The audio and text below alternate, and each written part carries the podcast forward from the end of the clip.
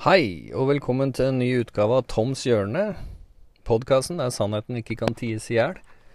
Og en podkast i samarbeid med Radio Spartakus, som du da finner på eh, nett.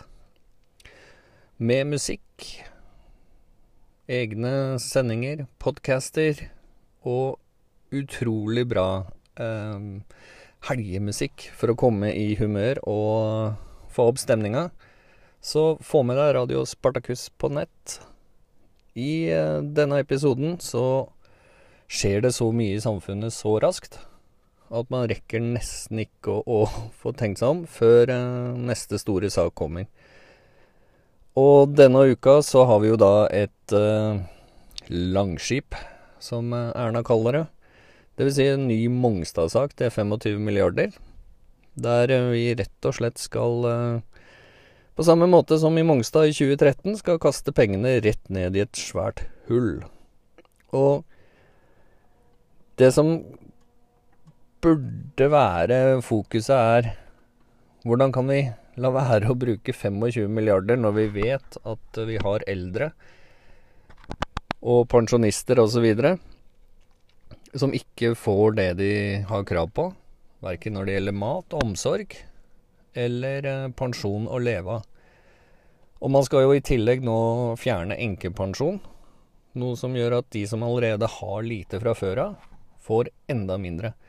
Fordi det var helt naturlig for en del generasjoner siden at mor var hjemme og passa på huset, mens far var ute i jobb. Og det vil si da at eh, den som var hjemme, hadde ingen inntekt. Og mange er da helt avhengig av enkepensjon for i hele tatt kunne overleve. Den skal man nå se på å fjerne. Nå gjelder ikke dette veldig mange mennesker, men det gjelder noen. Og det er utrolig trist å se at dette er noe man jobber nå med å ta bort igjen.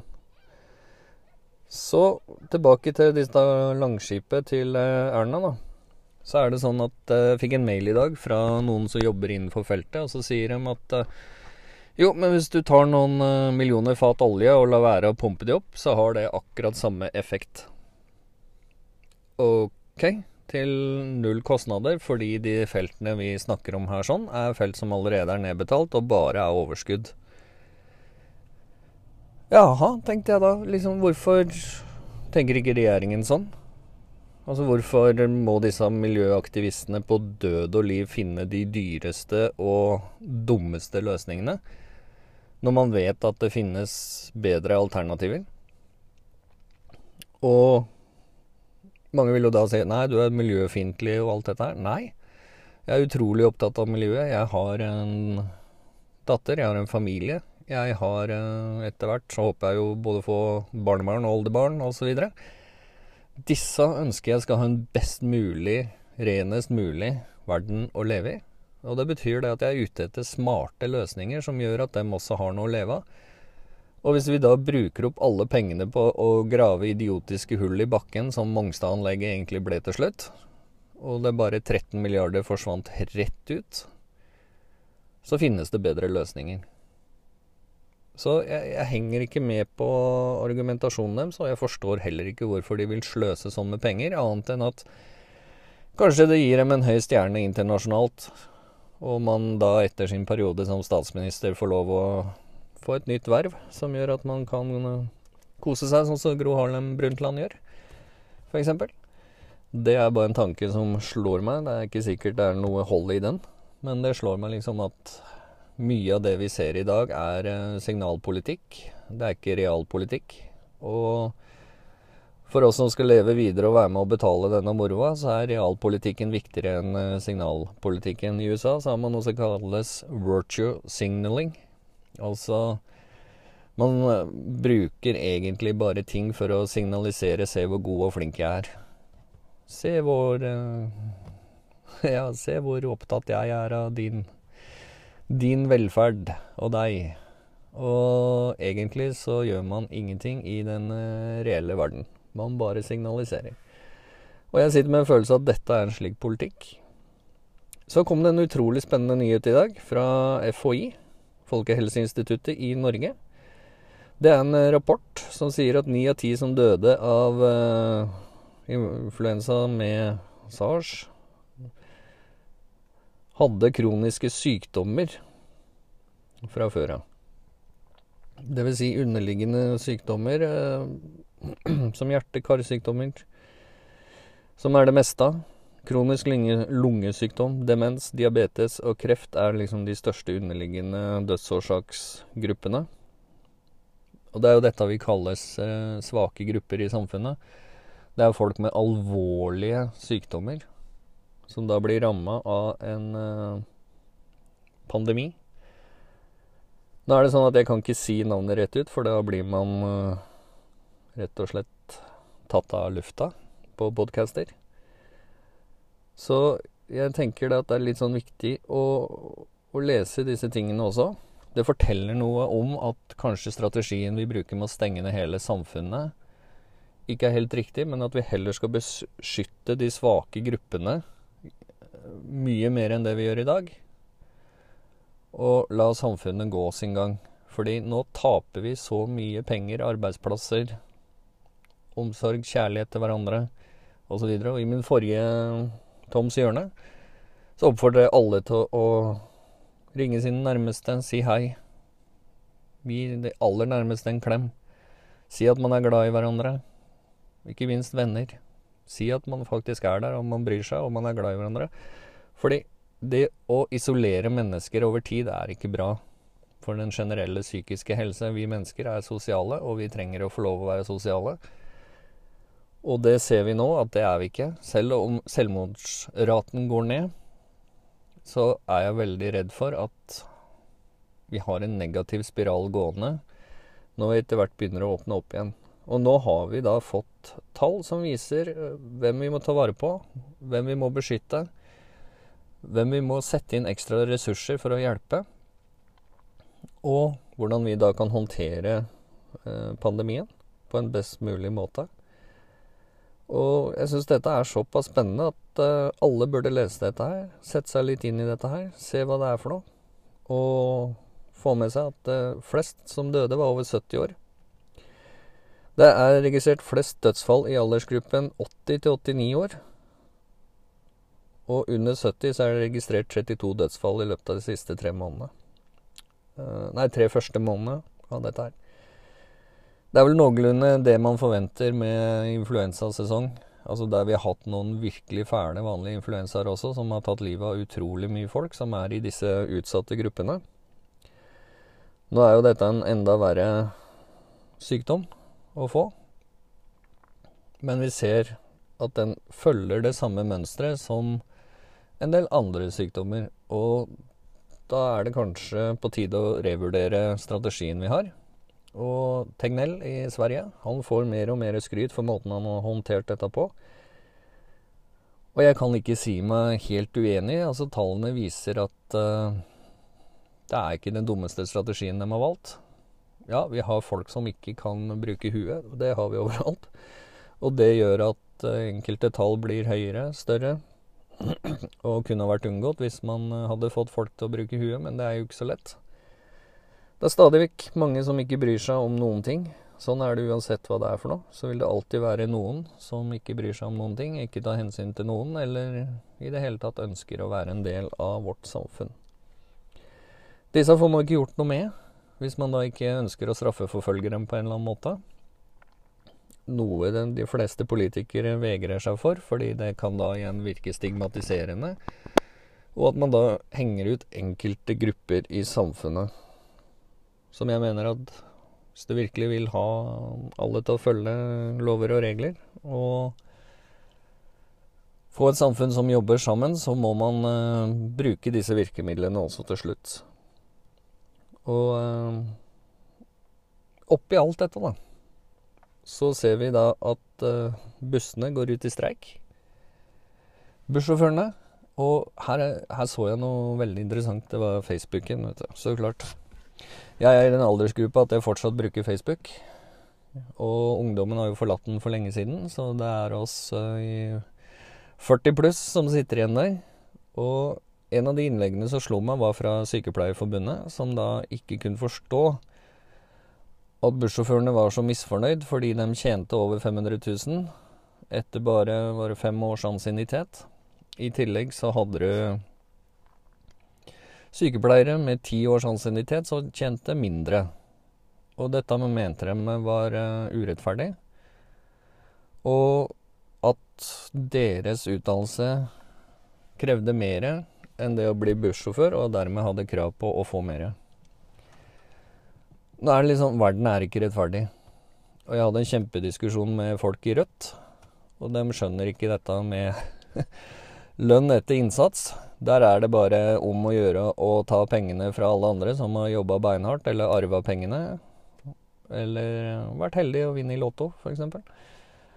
Og så skal de pengene gå til alle som ikke gidder å være en del av samfunnet. De ikke gidder å ta sin del, men som kan sitte på ræva og ta imot. Og som jeg sa til han, jeg har ikke noe problem med å sitte på rumpa og ta imot en million i, lønn. Problemet er bare når alle sitter på ræva, og ingen gjør noen ting. Hvordan skal samfunnet fungere? Og da blir liksom svaret bare tullete. Og sånn føler jeg det er mye i disse politiske sakene der det går til streik for lønn, fordi lønn i Norge uansett er eh, dårlig for veldig mange grupper. Og det har litt med ansiennitet, hvordan samfunnet ser på jobben din, hvordan uh, inntjeninga til denne type jobb er. Uh, hvor realistisk er det å få mye lønn hvis du ikke har noe utdannelse, osv. Uh, hvor mange timer jobber du, hvordan jobber du, osv. Uh, hvor farlig er jobben din, ikke minst. Altså det er risikoen du tar med å gi den jobben du har. Og som bussjåfør så har du en vanvittig risiko. Du har ansvar for utrolig mange mennesker. Det er ofte noen som kjører i busser, eller busser kjører på folk, hvis man da ikke er oppmerksom. Og de bærer ganske mye ansvar på sine skuldre, i tillegg til å jobbe lange dager innimellom. Kjøre lange strekker. Og det er ikke sånn du kan gå og ta deg en kaffepause når du vil sånn som du kan på kontoret eller andre steder. Nå er det sånn Sykepleierne er også i den gruppa jeg mener er eh, underbetalt. Og ikke får den anerkjennelsen de fortjener, så jeg mener jo begge gruppene her har rett. Men som et samfunnsproblem så kan du da stille disse to gruppene som tjener 500 600 800 000 i året, opp mot eh, minstepensjonister. Eh, opp mot uføre Altså, selv en uføre som tjente en million, vil da havne på 400 000 resten av sitt liv, mens resten av samfunnet går videre. Gjennomsnittslønna i Norge er 550 000 kroner. Uh, unge uføre f.eks. har maks 320 000 i året, med alle mulige tillegg.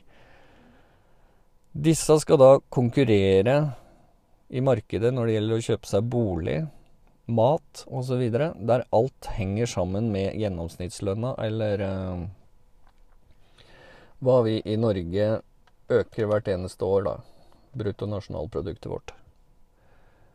Det henger jo ikke på greip. Det vil si at vi har uh, over 200 000 i Norge som allerede er nesten 200 000 under det som folk forventer å få i lønn, uansett jobb. Det er ganske mye mennesker. Det er nesten 10% av arbeidsflokken vår. Tar du med da minstepensjonister og pensjonister som da kanskje har hatt eh, helt normale jobber, så begynner vi å nærme oss 600 800 000 mennesker i Norge som lever med 200 000 mindre enn gjennomsnittet i Norge. Og da kan vi begynne å tenke på hvordan skal vi da klare å ivareta et samfunn der alle skal klare å henge med uten å skape en uh, klasse av fattige på og statens regning. Nå er regelverkene sånn at uh, både pensjonister og uføre kan ikke jobbe noe særlig ved siden av. Så la oss si du blir ung ufør, du får ti år på deg, får masse hjelp, du får støtte, venner, familie, alle slår ring om deg, hjelper deg opp og fram. Du klarer å komme tilbake til kanskje 30-40% arbeidsmodus. Og da får du ikke lov til det, fordi at hvis du tjener over en viss grense, så begynner du å tape penger igjen. Så vi har en enorm jobb å gjøre, og jeg håper da flest mulig vil uh, forstå at dette er et tema som ikke er fullt så enkelt, og som krever eh, veldig mye tanke. Og som krever at man eh, tenker litt på den velferdsmodellen vi har. Og eh, er litt mer oppmerksom på det større bildet enn akkurat hver enkeltsak. Nå vet jeg at veldig mange elsker å prate om bare én enkeltsak tatt ut av en mye større sammenheng, fordi det er mye lettere å argumentere for akkurat det. Det gjør igjen at hele debatten til slutt bare blir dum, fordi da sitter du bare og diskuterer detaljer istedenfor å diskutere hva egentlig problemet er. Så er det jo sånn at uh, politikerne i 2019, da, og som politiker for partiet De kristne så var jeg med i veldig mange debatter rundt omkring i Viken. Og spesielt dette med bompenger var en het potet. Og det som var litt sånn morsomt, var jo at alle partiene var liksom Nei, nei, vi skal ikke øke bompenger, vi skal ikke sette opp flere bomringer. Vi skal ta vare på veiene uten å øke, osv., osv. Og, så og nå ser vi jo det stikk motsatte. Og det har vi gjort lenge. Og jeg kan ikke skjønne at så mange trodde på disse etablerte partiene og det de sier. Og for meg som bor i indre Østfold, da, Viken, så er vi også ramma av denne busstreiken. Eh, jeg er deltidspappa, og jeg er avhengig av å kunne kjøre inn til Oslo. Veldig ofte så liker jeg å ta tog og buss. Og jeg har også, så henter datteren min inn i Oslo. Og noen ganger så er hun veldig glad i å ta buss ned til sentrum og møte vennene sine, dra på butikken, dra på kjøpesenteret osv. Men for å kunne gjøre alle disse tingene, da, så blir jeg tvunget nå til å kjøre. Uansett hva jeg måtte ønske, så må jeg kjøre gjennom eh, ganske mange bomringer. Jeg tror det er tre-fire, bare fra Askim til Oslo. Det er en ekstrem ekstrakostnad som blir påført meg når jeg allerede har muligheten til å bruke kollektivt til en billigere penge. Derfor så mener jeg helt seriøst at uh, politikerne nå må vedta å sette alle bompenger ned i null i denne perioden så lenge busstreiken uh, foregår.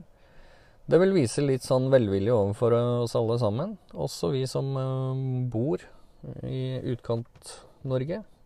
Vi bor ikke i byer, vi har ikke de samme tingene lett tilgjengelig. Vi er veldig avhengig av å kunne bruke bilen. Og for noen så er det så dyrt nå å ha bil at de har ikke råd til det, og er helt avhengig av eh, buss, offentlig transport. Der de nå ikke får det. Noen er syke, eldre, klarer ikke å gå. La oss si sånn som fra meg ned til butikken, så er det et kvarter å gå. I tillegg til det noen ekstreme bakker. Dvs. Si at de eldre hos oss har ikke mulighet til å gå opp og ned disse bakkene. Det klarer de ikke.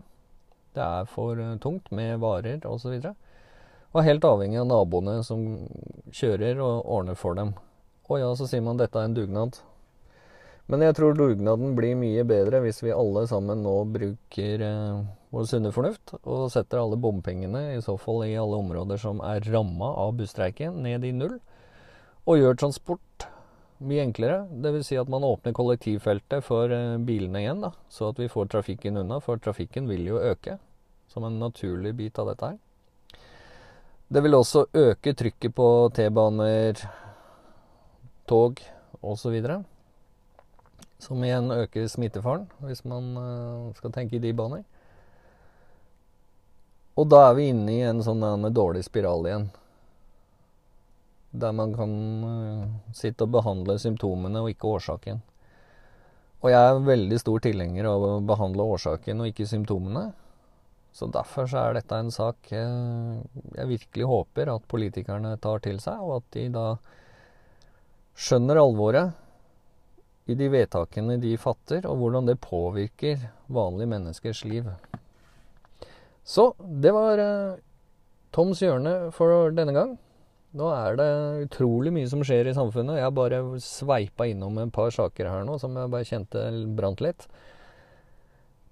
Men uh, send meg gjerne tips og ting inn i innboksen min.